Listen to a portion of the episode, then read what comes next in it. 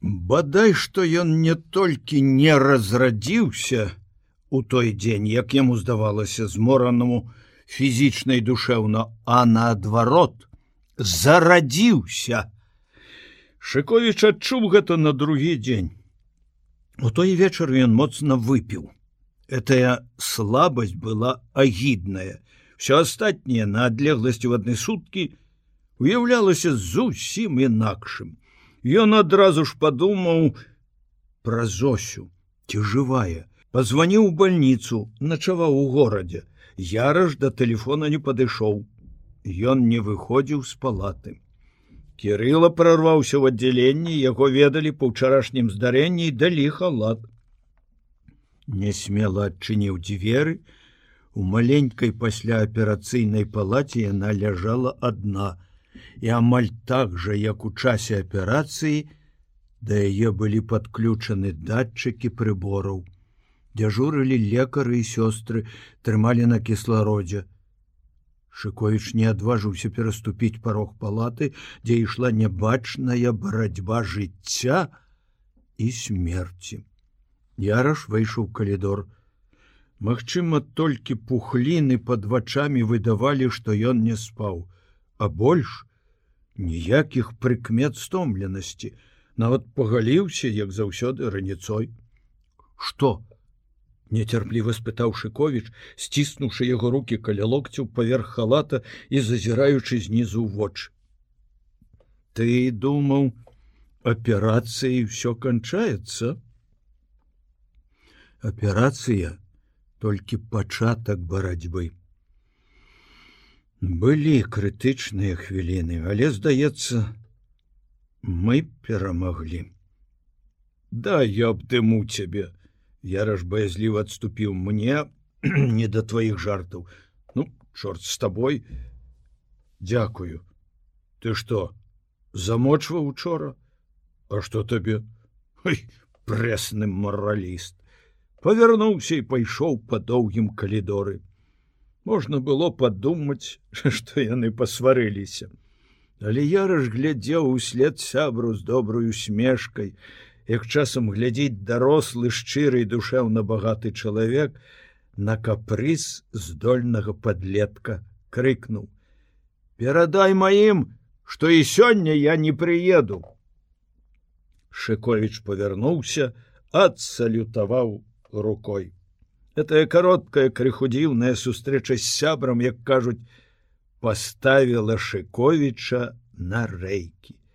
А ўсё тое, што ён убачыў, перажыў учора, сапраўды надало энергіі імпэту, і Кірыла зноў кінуўся на пошукі.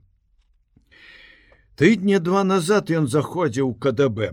Падпалкоўнік Вагін, высокі брунет, на выгляд зусім малады відаць толькі з камсамола падумаў шыкович прыняў ветліва здаецца нават узрадаваўся знаёмству з пісьменнікам.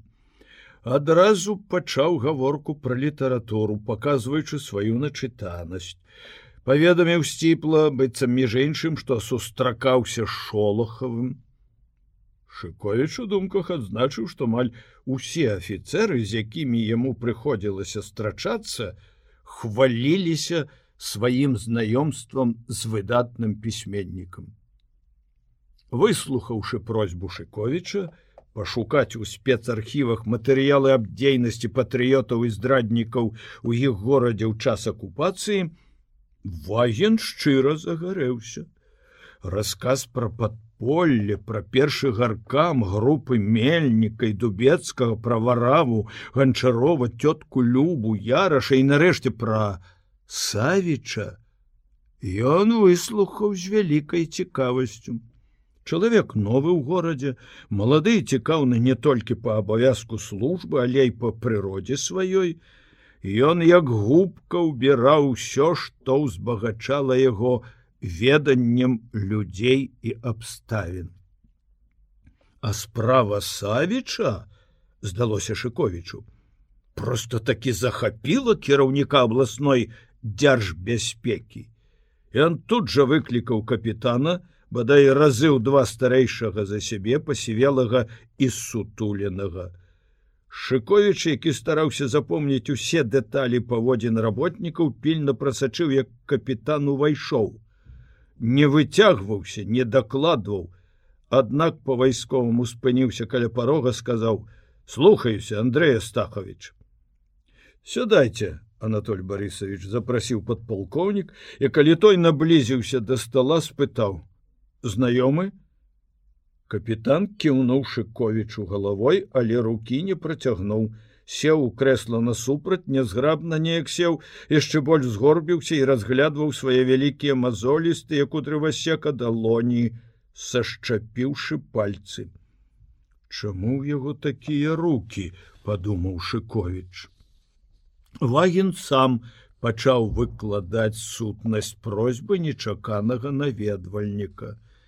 Кирилла здзівіўся что подполковнік адразу запомніў прозвішчы людзей зайздросная памяць капітан здавалася не слухаў думаў пра нешта сваё абыякавы да ўсяго на свеце разы два падняў вочы але былі яны холодныя ніводнай скрынкі цікаўнасці шыкович ведаў гэтага чалавека хоць знаёмы не быў нехта не некалі яму сказаў, што гэты сівы капітан працаваў іх горадзе яшчэ ў 37 годзе. І Кірыла адчуў цяпер непрыязнасць да яго. Перапыніўшы начальніка Шковіч сказаў з тых, што супрацоўнічалі за кумпантамі, мяне больш за ўсё цікавіць Савіч капітан падняў вочы і кароткім позіркам вопытнага следча як бы прасвяціўшы ковіча у якім сэнсе? Ёсць у мяне ўпэўненасць что доктор памёр сумленным савецкім чалавекам. Доказы здагадкі і тое і другое. Трэба дакументальнае пацвярджэнне. Вы думаете писать роман ці займацца пасмяротнай реабілітацыяй А вы лічыце что это несумяшчальна спытаў шыкович я хочу написать аповесць якая была праўдзівым документам народ павінен ведаць і герояў і здраднікаў капітан паглядзеў на свайго начальніка той хораша усміхнуўся вы э, ведаеце што ў горадзе жыве дачка савіча спытаў пасля паўзы капітан ведаю. Кирилла хацеў бы расказаць што яна ў бальніцы і ёй будзе зроблена вельмі складаная аперацыя якая можа скончыцца трагічна. Нават яраш не дае гаранты але капітан раптам падняўся звяртаючыся да свайго начальніка ўжо больш афіцыйна по зраблю товарищ подполковнік все что можна і на развітанне зноў толькі кіўнуў галавой у той мехшыкович падумаў пра яго інакш калісь сербановскі гэтулькі год у органах і як відаць карыстаецца павагай маладога начальніка то вельмі можа быць, што гэта адзін сапраўдных чекістаў. Шковіч званіў сербаноўскаму два разы, той адказваў пакуль што нічога цікавага няма. Кірыла не стаў больш званіць, а проста з бальніцы рушыў у камітэт. Капітан сядзеў адзін у даволі вялікім ценявым пакоі, старыя ліпы засланялі шырокія закратаваныя вокны. Калі Шковіч увайшоў, Сербановскі спачатку паклаў вялізны сейф нейкія паперы, з якімі відаць працаваў і толькі тады прывітаўся за руку. Хоць прайшло ўсяго нейкія полторы гадзіны рабочага дня, У яго быў выгляд стомленага і абыякавага да ўсяго чалавека. Шковіча ён пачаў цікавіць сам по сабе. Як жыве гэты чалавек? Чаму ў яго мазолістыя руки чым яго разварушыць выклікаць на шчырую размову? Яшчэ нават не сеўшы кирилла паведаміў. Учора Софі савіч зрабілі аперацыю на сэрца. Яраш аперыраваў. Капітан неяк устрапянуўся і ўпершыню ў прысутнасці шыковіча выявіў сапраўдную чалавечую цікавасць.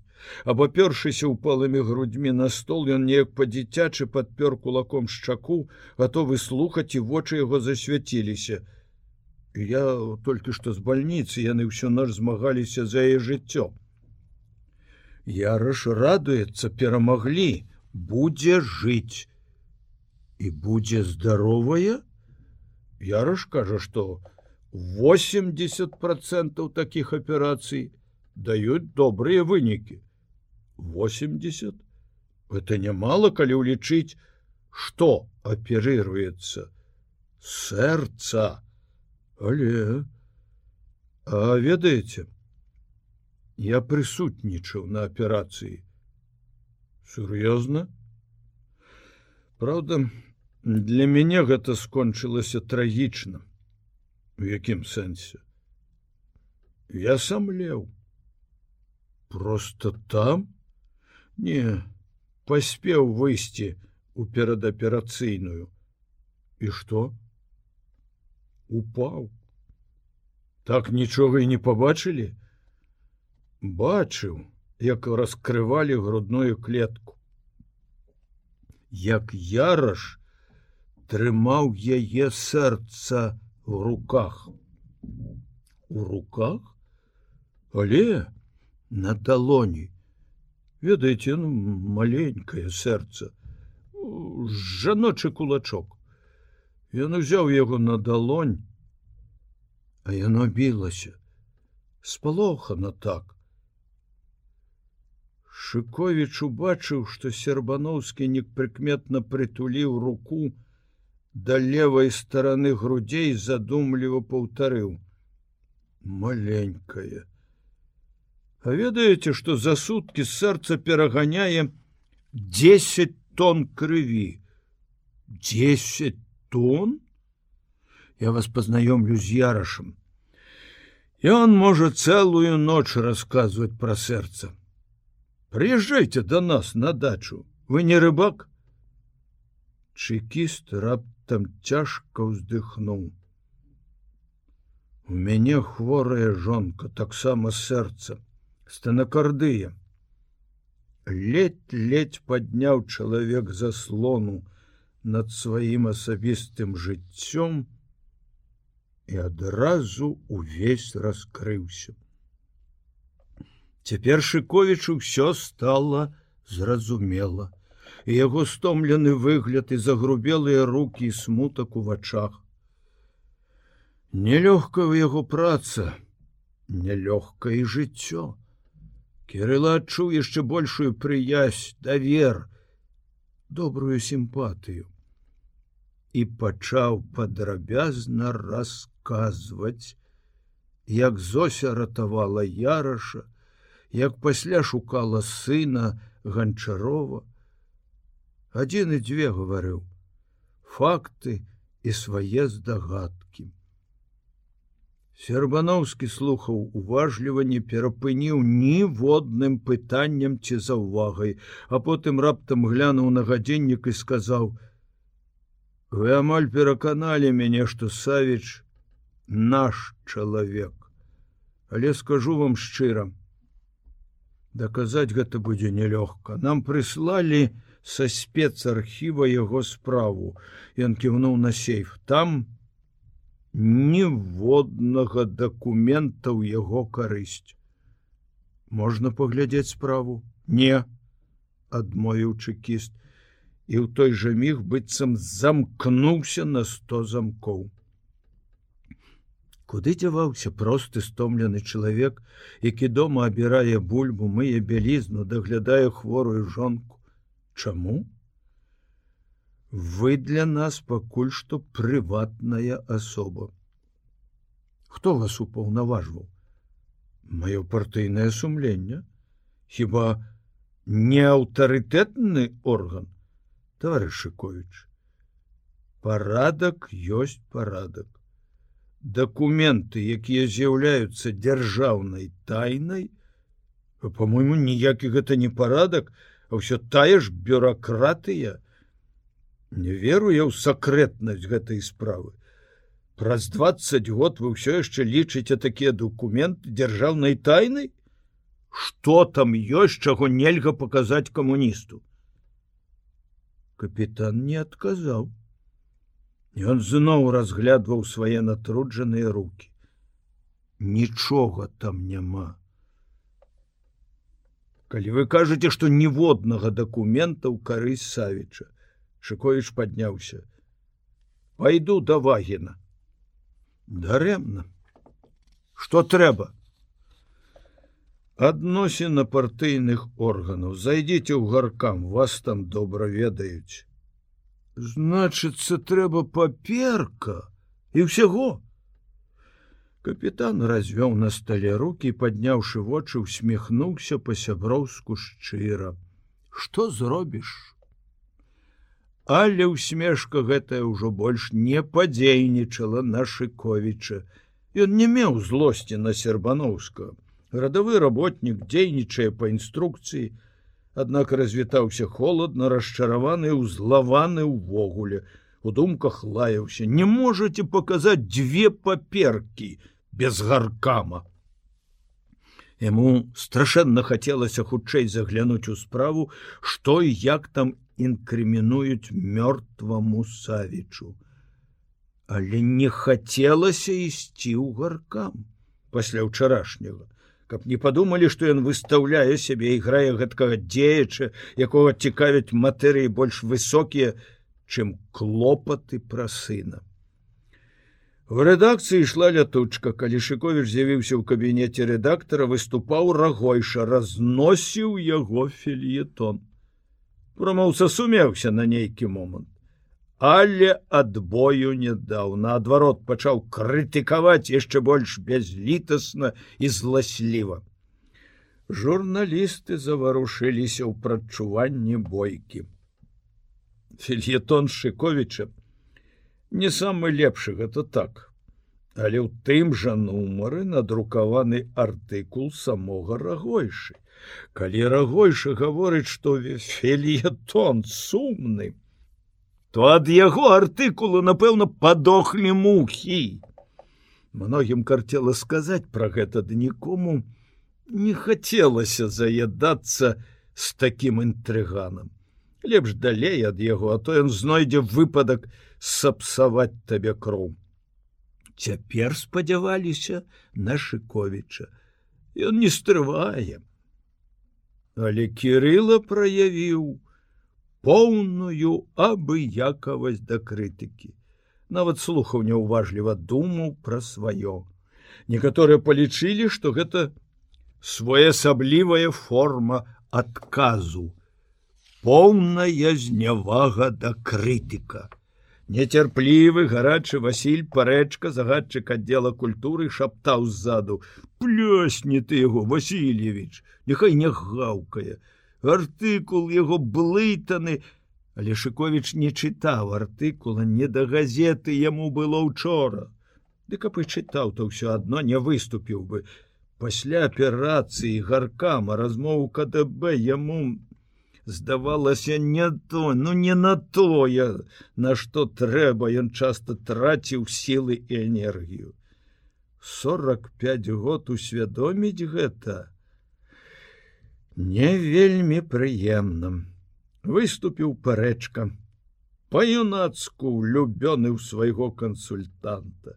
Шчапіліся з рагойшым. Жывіцкаму прыйшлося ліць холодную ваду асцярожны рэдактор добры чалавек ён не любіў сварак у калектыве за гэтай дабраты з яго потай кпілі але ўвогуле паважалі. Маўчанне шыковіча на лятуцы сіх здзівіла. Звычайна ён кідаў трапныя жарты, рэдактор тут жа плануючы будучыя нумары попрасіў яго з'ездзіць у раён даць нарыс пра лепшага камбайнера. Застаўшыся пасля лятучкі кирыла адмовіўся ад задання. Жывіцкі разгубіўся. Ты что нездоровы не захоплены другой работай шкада вельмі шкада. Я дам у суботні нумар апавядання жывіцкі любіў прозу і не любіў вершаў. С парэчкам які кожны дзень адкрываў новых паэтычных геніяў у яго ішлі бясконцыя баталіі. Кирыло паспрабаваў працаваць правіць матэрыял. Але ўсё здавалася сумным непатрэбным і чужое і сваё ў галаве круціліся нейкія касмічныя думкі далёкія ад газетных матэрыялаў і ад справы савіча Мабыць ён доўга сядзеў нерухома бо парэчка які працаваў за суседнім сталом раптам прапанаваў. Давай махнём на раку васильевич. Будзе навальніца. Люблю навальніцу на лузе і клёў будзе вось побачыш кирилла паглядзеў в окно і убачыў что неба ясная з раніцы завалакла белапопельная смуга Аднак солнце да ненатуральнасці абстрактна жоўтая на яго можна было глядзець без акуляраў пякло зямлю по-ранейшаму Было ціха і душно вяла лісце на маладых ліпах прасіла піць але будзе навальніцай магчыма пачнуцца дажджы. Заўсёды калі ў разгары уборка пачынаюцца дажджы сельскай гаспадарцы просто не шанцуе падумаў кирилла і пашкадаваў што адмовіўся ад паездкі ў раён. Ён заўсёды адчуваў сябе як бы вінаватым перад людзьмі сяла і пісаў пра іх много з любоўю. А можа праўда паехаць на луг под стагі і да ніткі вымакнуць под дажджом. Але тут прыйшло адчуванне што ён не зрабіў нечага вельмі важнага не адразу нават зразумеў чаго а зразумеў кіўнуў загадчыку аддзела. Пачакай мяне і знік за дзвярыма. Няхай што хочуць думаюць пра яго абы дазволілі паглядзець справу савіча. Вырашыў пагутарыць стужыкавым Праўда ён тугадум як той анекдатычны фін на пытанне якое задалі раніцой адкажа ўвечары але затое аб'ектыўны і разумны. У калідоры гаркама кирилла неспадзявана сустрэўся з тарасавым прывіталіся но як вычухаў спытаў сакратар як быццам жаўтаўліва але без усмешки что галавамойку. Не апеліруй. Другим дасталося больш я і не меў намеру апеллировать адказаў шыкович і падумаў ну вось я так і ведаў дайшлі да дзвярэй прыёмнай спыніліся тут тарасов адчуў што шыкович які пры сустрэчы неяк даверліва поцягнуўся да яго раптам пасля гэтых слоў быццам по лесу панцр сакратар падумаў этой умоўнасці з гары яны. Мімаволі робяць нас бюрократамі інстанцыя дыстанцыя а пасля глядзіш усё по форме правільна па сутнасці. Нелёгка нам вяртацца да ленінскага стылю. І шчыра запрасіў адчыніўшы дзверы заходь пагутарым На нейкі момант Шковіч застыў нерашучасці ісці ці не ісці, Пра што ён мае намер гутарыць са мной зноў пра сына Тарасаў зразумеў, чаму ён вагаецца пажартаваў не бойся. Маралі чытаць не буду. Ужо ў кабінеце скінуўшы пінжак і расслабляючы гальштук спытаў: « Каго там з тваіх блізкіх аперыравалі? Мне Ларыса Петровна сказала. І Шковіч пачаў расказваць усё з яшчэ большымі падрабязнасцямі, чым раніцой расказваў сербаноўскаму пра савічаў бацьку і дачку пра падпольшчыкаў імёны якіх раней нідзе не ўпаміналіся пра свае здагадкі меркаванні пра суб'ектыўнасць кнігі вулкана Вось яно што падумаў тарасаў прыгадаўшы як гукан выступаў на бюро. Зразумела. Старому нелёгка адмовіцца ад старых поглядаў. Яму здаецца што ён адзін усё сказаў. Не хочацца любымі сродкамі збіць стропу гэтага няўрымслівага чалавека свайго сааўтара які можа ўсё перавярнуць да гары нагамі мета той. Але час не той семён парфёнович. Я тут чалавек новы кирилла васильевич. Але ведаю что пасля войны гаркам разы чатыры здаецца займаўся подпольем і кожны раз у спіс подпольшчыкаў заносілі дзясяткі новых імён Хіба гэта не доказ таго які размах мела барацьба наших людзей Хіба для выяснення і ўслаўлення гэтай барацьбы не варта папрацаваць? Шковічу здалося, што Тарасаў супраць таго, каб яшчэ раз вяртацца да падполля, ён выказаў гэта горача з наступальным запалам. Але для гэтага варта папрацаваць, згадзіўся сакратар гаркама шукаючы ў спісе пад шклом нумар телефона. Першапачаткова нават імя яраша нідзе не ўпаміналася, а ён выконваў спецзаданні гаркама. Тарасу павярнуўся да століка з тэлефоннымі апаратамі і набраў кароткі нумар. Алло, Вайген, добрый дзень, Тарасаў. Многа шпіёнаў злавіў. Што? вывеліся кажаш глядзі як бы мы не притупілі пільнасць то-то Андрей астахович что гэта ў цябе баяцца паказаць дакументы часоў войны нашаму пісьменніку чалавек цікавую працу задумаў трэба памагчы что? Тарасаў змоўк і слухаў даволі доўгае тлумачэнне кідаючы час ад часу кароткае ага, ага. Кірыла заўважыў, што ў нейкі момант ён шчыльней прыціснуў слухаўку да вуха. Сакарэт. Кірыла падняўся з крэсла і адышоў да акна. Неба зрабілася шэрапопельным солнце рассеяло свае праменні ў гэтых сухіх і высокіх аблоках не пякло больш але нерухомае паветра не астывала яна як бы згушчалася ад чаго духата на нават мацнела ажно цяжка рабілася дыхаць але поедем с парэчкам на луг под навальніцу станем на беразе і будем гукаць грому.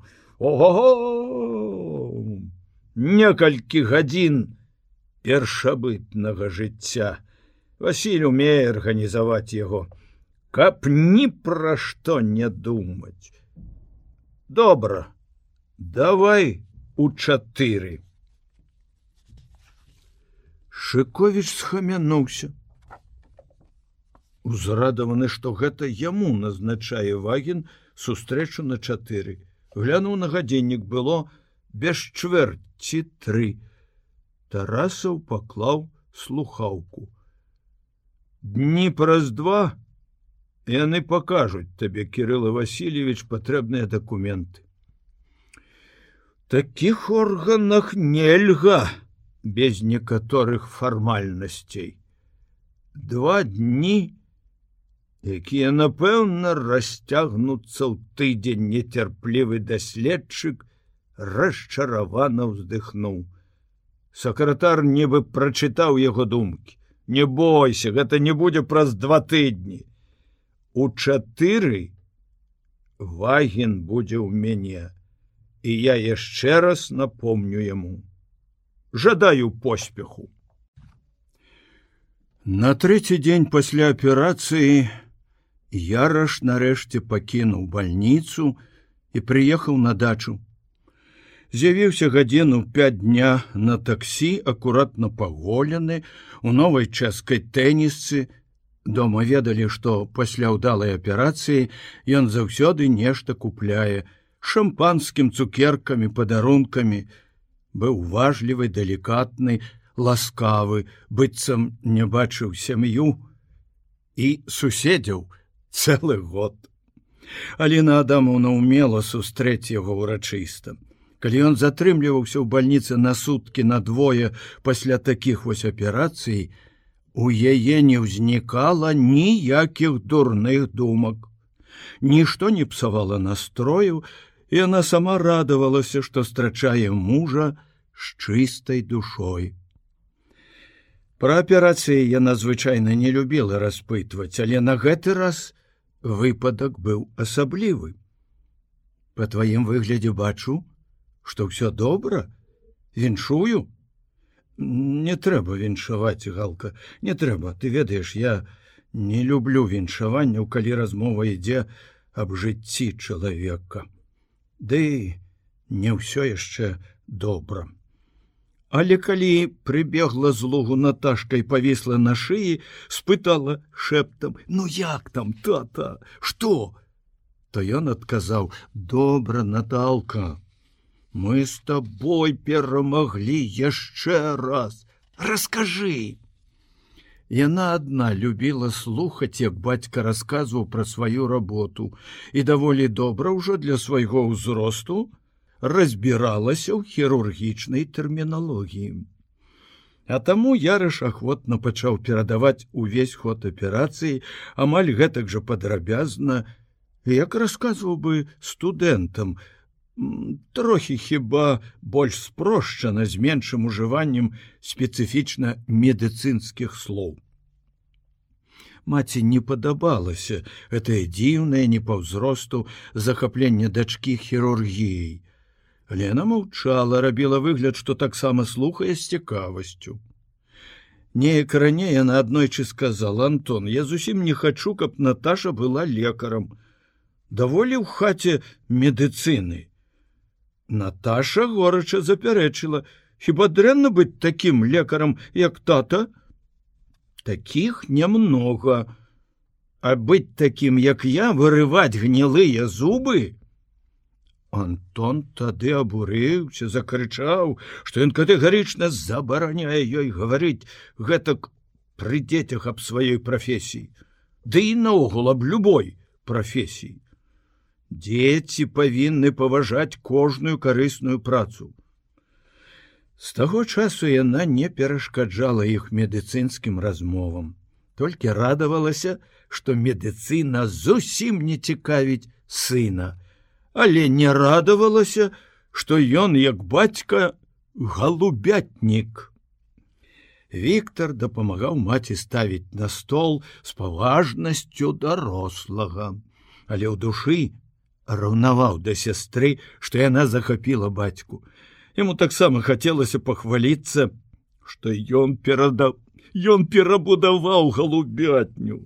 Нечакано пазнаёміўся з галубятнікам суседняй вёскі, тутэйшым настаўнікам і выменяў у яго пару рэдкіх паштавікоў. Але не можаш ён вось так з бухты барахты, як тая Наташка кінуцца бацьку на шыі і прапанаваць хутчэй лезем на гарышча. В самым пачатку сустрэчы з бацькам Віця паведаміў толькі адну навіну. Учора ведаеш, якая навальніца шуганула фронтальная за студёнкай на три кіламетры лес положила Максим рыгорович кажа тысячи две кубаметраў буралому. Про голубоў сказаў пасля полудня. Калі выйшлі на двор сказаў стрымана між іншым яраш усё зразумеў выгукнуў нібы нават скрыўдай што ж ты маўчаў а? І адразу полез на веранду. Праз колькі хвілін вясёлы пранізлівы свіст абудзіў адвячоркавую цішыню лесу і лугу Увечары, калі прыехаў з горада Шковіч, яны палілі свой касцёр і на агні варылі юшку. Яраж сынам паспелі налавіць рыбы. Мокрая яшчэ да ўчарашняга ліўня ламачча гарэла роўна і не горача. Юшка варылася доўга, елі яе ўжо ў прыцемку. Накармілі дзяцей. Наташа і віця спаць, мама спать спать. Дети неахвотна рушылі да дачы ты безлітасная галя. Віктор збіраў дровы лавіў рыбу. Галя лепшы педагог чым мы з табой правильно жонка а мы з табой педагогі дрэнь як там владислав спытаў яраш працуе ты яго бачыў? Хіба яму да сына? Яно весь у падполлі. Не іранізуй сур'ёзнай справы. Сын пазбягае сустракацца са мной. Яму сорамна. Прыязджаў тарас жанчыны сядзелі на лавацы мужчыны па-турэцку на вільготнай зямлі насупраць адзін аднаго. Яраш адпачываў. Яму не хацелася не гаварыць не думаць. Ён глядзеў у агонь любаваўся водблескам полымя жарам бурштынавымі кроплямі смалы што выступілі на тоўстым суку. Прыгожыя кроплі. Шкада было што яны згараць. І ў гэты міг упершыню пасля таго як паехаў з бальніцы варухнулася ў душы трывога за зосю. Ды ён прагнаў яе. Нічога не здарыцца яшчэ учора хворая апрытомніла сёння глядзела на яго з удзячнасцю яснымі вачами спрабавала усміхнуцца прошаптала мне лёгка дыхаецца але цяпер і будзе лёгка дыхацца і лёгка хадзіцца по зямлі я рашу было радасным Аднак выказваць сваю радасць усім не хацелася. Ён выдаў яе Наташы. Мог бы яшчэ прызнацца Шковічу, каб яны былі адзін на адзін. Кірыла пачаў расказваць пра свае пошукі, пра размову КДБ і гаркамі, я раздзівіўся. Ёсць справа на Савіча? На мёртвага? Ты ж сам казаў, што ў твае абавязкі падпольшчыка ўваходзіла вывучаць тых, хто супрацоўнічаў з акупантамі. Я думаю, не дзеля спартыўнай ці мемуарнай цікавасці гэта рабілася. Ну але згадзіўся яраж задумліва. Галіна Адамуна падала яму місачку з юшкай. Дякую, сказаў як чужой, паспытаў варыва з лыжкі, паставіў місачку, на край лавачки горачым і дашыковіча слухай кирилла А ці варта варушыць такія архівы каб узняць пыл ад якога нехта будзе чыхаць. Хто? Ты? Я? Я не буду чыхаць ад такога пылу. Шкоючажно падхапіўся, яго абурыла, што яраш, які быў загарэўся, таксама як і ён раптам зноў дае адбой. Чаму? Сам жа падпольшчык, нас самога ж былі забыліся і колькі год ніхто не ўспамінаў. чакай я лічу что трэба было рабіць або раней адразу ж по гарачых следах мы не здолелі тады разобрацца ва ўсім наадварот шмат што заблыталі Няхай даруюць мне, Але я не веру в аб'ектыўнасць спраў, якія заводзіліся ў той час. Або гэта трэба рабіць пазней, калі загояцца ўсе раны. Найдаражэйшая якасць памяці забыўлівасць. Каб нічога не забывалася, чалавецтва загінула б забыўлівасць лечыць і раны душы і раны цела. Дзіўная ў цябе філасофія. Ведаеш, з якога арсенала, давай кирилла без арсеналаў. Я думаю пра жывых людзей, пра іх сэрцы, а не пра адносіны паміж дзяржавамі. Хоць у палітыцы таксама забываюць, і варта забываць інакш ніколі б не канчалася варожасць ты думаешь пра зосю галіна ўстрапянулася балюча ёкнула сэрца. Але ён думае пра яе. Чаму ён так хвалюецца за яе? І ў гэты міг у душу яе ўпала зерня раўнівай падазронасці. Упершыню да пацыенткі мужа.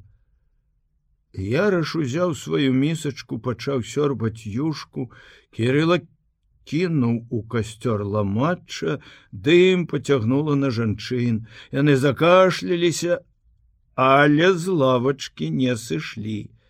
Агонь прытух, і ў цямры ніхто нікога не бачыў.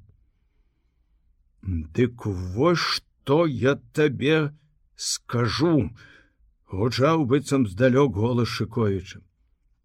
Можа ты забыўся? Ці хочаш забыцца? Цябе праца не менш гераічная чым у падполлі. Навука ад якой ты шкадуеш адарваць одну хвіліну на што іншае. Але май на увазе што яна зося нічога не забыла і ніколі не забудзе і мільёны не забудуць і ты не асцерагай яе ад мінулага яна не баіцца яго галлё збоку яраша разгарэлася агонь асвятліў яго постаць чырвоны ад вобліску полымя. Вялікі нерухома з місачкай у руках. Ён нагадваў правадыра невядомага племя надзвычай дужых і прыгожых людзей. Аліна, убачыўшы мужа ў такой паставе, адчула новы прыступ страху ад думкі, што можа страціць яго. Валентина Андреевна глядела на яраша з захапленнем і патаемнай жаночай зайздрасцю. Ён варухнуўся і няўлоўным рухам чараўніка кінуў пустую місачку ў цемру. Дык і я табе скажу, слухай. Ты ж не даследуеш падполле ў поўным аб'ёме. Ты як дэтэктыў. Цябе захапіла гісторыя аднаго чалавека, яго загадкавая смерці ты ўзрадаваўся выпадку знайсці востры сюжэт яго ўвесь час хіліла да дэтэктыва сказала валентина андреевна з іскрынкамі смеху ў голасе. Ёй было хораша весело і хацелася каб мужчыны паспрачаліся больш горача. Але ты нічога такога не знойдзеш. Цяпер я больш чым раней упэўнены што савіч не быў ні ворагам, ні героем. Ён звычайны стары лекар, які хацеў памагаць людзям у любых абставінах. Інфекцыяніст, ён баяўся эпідэмій, якія заўсёды прыносіць вайна. Каб сачыць за санітарным станам роднага горада, пайшоў на службу да акупантаў Вось табе увесь твой дэтэктыўны сюжэт касцёр разгараўся ужо добра разгарэўся святло яго выхапіла з цемры ладны круг колькі дубоў сосен і дзіўна пафарбавала іх. Кара сосен пачырванела а мох на старых дубах стаў што снежны іней сівы сівы над галавой зашамацяла лісце ад гарачага паветра страляў залатымі кулькамі вугольчыкамі касцёр. Яраш яшчэ больш пачырванелы прыўзняўся на руках і адсунуўся далей ад агню. Шыковіч стаяў з другога боку вогнішча шырока расставіўшы ногі заклаўшы руки за спіну. Тое что ты расказаў доктор ёсць найлепшы сюжэт але я сюжэтаў не шукаю май на увазе савіч абвешчаны здраднікам. А ты сам сцвярджаеш што ён сумленны чалавек. Няхай сабе і не герой. Дык што ж по-твойму пакінуць яго ворагам? Не паварушыцца каб даказаць яго сумленнасць реабілітаваць яшчэ одно добрае імя як реабілітаваны імёны тысяч ні ў чым невінаватых людзей шыковіч пачакаў пярэчанняў але я раш маўчаў. Ён згаджаўся. Больш таго ён не разумеў самога сябе. Чаму раптам здумалася адгаворваць сябра ад такой пачэснай высокароднай справы Не ён бадай што разумеў чаму бо думаў пра гэта яшчэ ў бальніцы. Цяпер калі зосі зроблена ён упэўнена удалая аперацыя і яна па сутнасці пачне новае жыццё новае ва ўсім, аб гэтым ён паклапоціцца яму чамусьці не хочацца каб хто-небудзь ці што-небудзь вяртала яе да мінулага добра калі шыковічу удастся даказаць тое што хочацца даказаць. Ён яраш упэўнены што савіш сумленны чалавек сумленны лекар. Але Але калі не будуць знойдзены дакументы, якія пацвердзілі б яго сувязь з падпольшчыкамі з партызанамі, это застанецца толькі яго прыватным перакананнем, ці гэткай жа прыватнай думкай кірылы. Зосі наўрад ці будзе лягчэй ад гэтага. Маўчыш? — спытаў Шковіч. Май на увазе, што абыякавасць да лёсу людзей, якіх мы ведалі, з якімі працавалі, якія вучылі нас, прынесла вялікую шкоду у пэўны час. Так, я паставіў у цэнтры справу савіча, бо нельга ахапіць сяго адразу.